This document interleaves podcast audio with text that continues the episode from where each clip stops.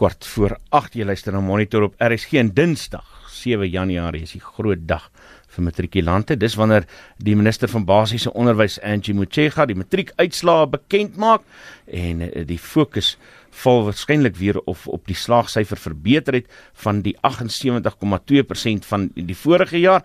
En vir 'n voorskou oor wat ons te wagte kan wees, praat ons nou met ons ateljeegas Dr. Frans Chanoude. Hy is 'n benoemde onderwyser en navorsingsgenoot aan die Universiteit van Johannesburg se sentrum vir onderwyspraktyk navorsing. Nou die het ook verlede jaar sy eie konsultasiemaatskappy begin om onderwysers te motiveer en te ondersteun. So hy weet waarvan hy praat as hy volgende hier sit. Goeiemôre Fransja. Goeiemôre. Wat is die grootste uitdagings wat matrikulante van 2019 moes trotseer? Wel, ek dink die grootste uitdaging wat meeste matrikulante gehad het, is om nommer 1 in graad 12 uit te kom. As ons kyk na ehm um, die getal leerders wat inskryf in graad 1 in hulle graad 1 jaar, tradisioneel is dit omtrent tussen 'n miljoen en 1.4 miljoen lank maar af wat se wat wat die jaar is. So ons kry na meer as 'n miljoen graad 1 leerders, maar teen die tyd wat hulle by graad 12 uitkom, is daai nommer uitgedun en ons kyk dan in 'n omgewing van 700 000 tot 800 000 graad 12s. So ek dink die een groot uitdaging vir alle leerders op hierdie oomblik is om dit eintlik tot by graad 12 te maak. Op die oog af het verlede jaar se matriekeksamen redelik sonder voorvalle verloop. Is dit so en waaraan is dit te wyte? Ja, kyk, ehm um, ons daar's baie te sê omtrent die die menslike hulpbron ehm um, en en en kapasiteit omtrent die graad 12 eksamen. Nie net die eksamen self nie, maar ook natuurlik ehm um, ons onderwysers wat merk na die tyd. Ehm um, ek dink verskriklik goed gereël. Ehm um, ek dink ons lesse geleer uit die verlede uit. Ehm um, en ek dink die die tipe organisasie wat hierdie jaar toegepas is, was vir my verskriklik goed geweest. Ehm um, en daar was nie verskriklike groot voorvalle nie en ek dink uh, die staat en al die onderwysers en almal wat betrokke is moet daarvoor um, erkenning kry. Gaan die uh slagpersentasies daal of styg. Ja, ek is nie in die game om om uh om predictions te maak soos dit nie, maar ek dink ons gaan baie min of meer dieselfde sien. As ons kyk na die tendens oor die laaste 10 jaar, um is daar 'n uh, 'n uh, asof ons bietjie gestabiliseer het. Ons die eerste 5 jaar baie goeie groei gesien en in die laaste 5 jaar is nou bly dit maar so tussen die 75% en die 78%. Um dit sal vir my verskriklik interessant wees as dit gaan styg as ons nader aan die aan die 80% 10% merk beweeg of selfs daar verby kan gaan. Daar is 'n moontlikheid natuurlik. Daar's net ongelukkig te veel veranderlikes in die stelsel om daai tipe voorspelling te kan maak, maar ons uh, net tyd gaan leer. Die hoë slaagsyfer, relatief hoë slaagsyfer en as mens nou nader aan die 80 sou beweeg, die kritisie sê, ag dis maar alles teken van 'n swak onderwysstelsel. Wat is jou mening daaroor? Kyk, die die matriekslaagsyfer is slegs een van die die maatstawe wat gebruik word. Ehm um, dis natuurlik die een wat aan die groot klok gehang word. Nog uh, ek meen tradisioneel is dit die ding waarna ons kyk en dit maak altyd uh, hierdie tyd van die jaar is 'n groot verskriklike groot vanvare omtrent dit.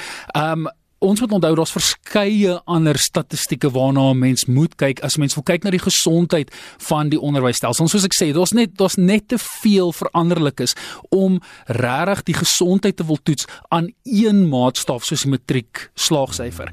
Um, ons moet onthou graad 12 begin in graad 1 en daar word ongelukkig nie genoeg fokus geplaas omtrent ons grondslagfase um, nie en die die tipe uitdagings wat veral in die laerskole plaasvind nie matriek wat in graad 1 uh, begin. Ek wil nou daaroor praat, maar net voor dit. Daar's jaar die die laaste klompie jare is daar 'n verskynsel dat uh, matriek soort van gemanipuleer word uh, van skole en na skole en teruggehou word om 'n 100% slaagsyfer by 'n skool te manipuleer. Is dit 'n praktyk wat nog vaardig is en word daar iets aan gedoen? Kan daar iets aan gedoen word? Dis definitief iets wat nog steeds bestaan. Ons moet onthou op die einde van die dag bly skole maar besigheid alhoewel ons wil sê dit is 'n uh, 'n publieke uh, instelling.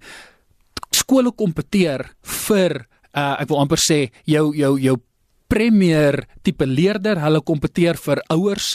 So ons sien dat daar is hierdie hierdie gebruik om graad 11 veral terug te hou as die hoofde um, en die leierskap van die skool dit sou reken dat hierdie leerder dit moontlik nie gaan maak in graad 12 nie, dan word daar nogal druk op die leerder en op die ouers gesit om daai leerder of terug te hou in graad 11 of om daai leerder te skuif na 'n ander skool toe die graad 1 uh, eh, begin van matriek. Hoe groot is daai syfer nou? Hoeveel van daai graad 1s verdwyn in tussen graad 1 en matriek. Dis uh, dis regtig ongelukkig dat hierdie gebeur.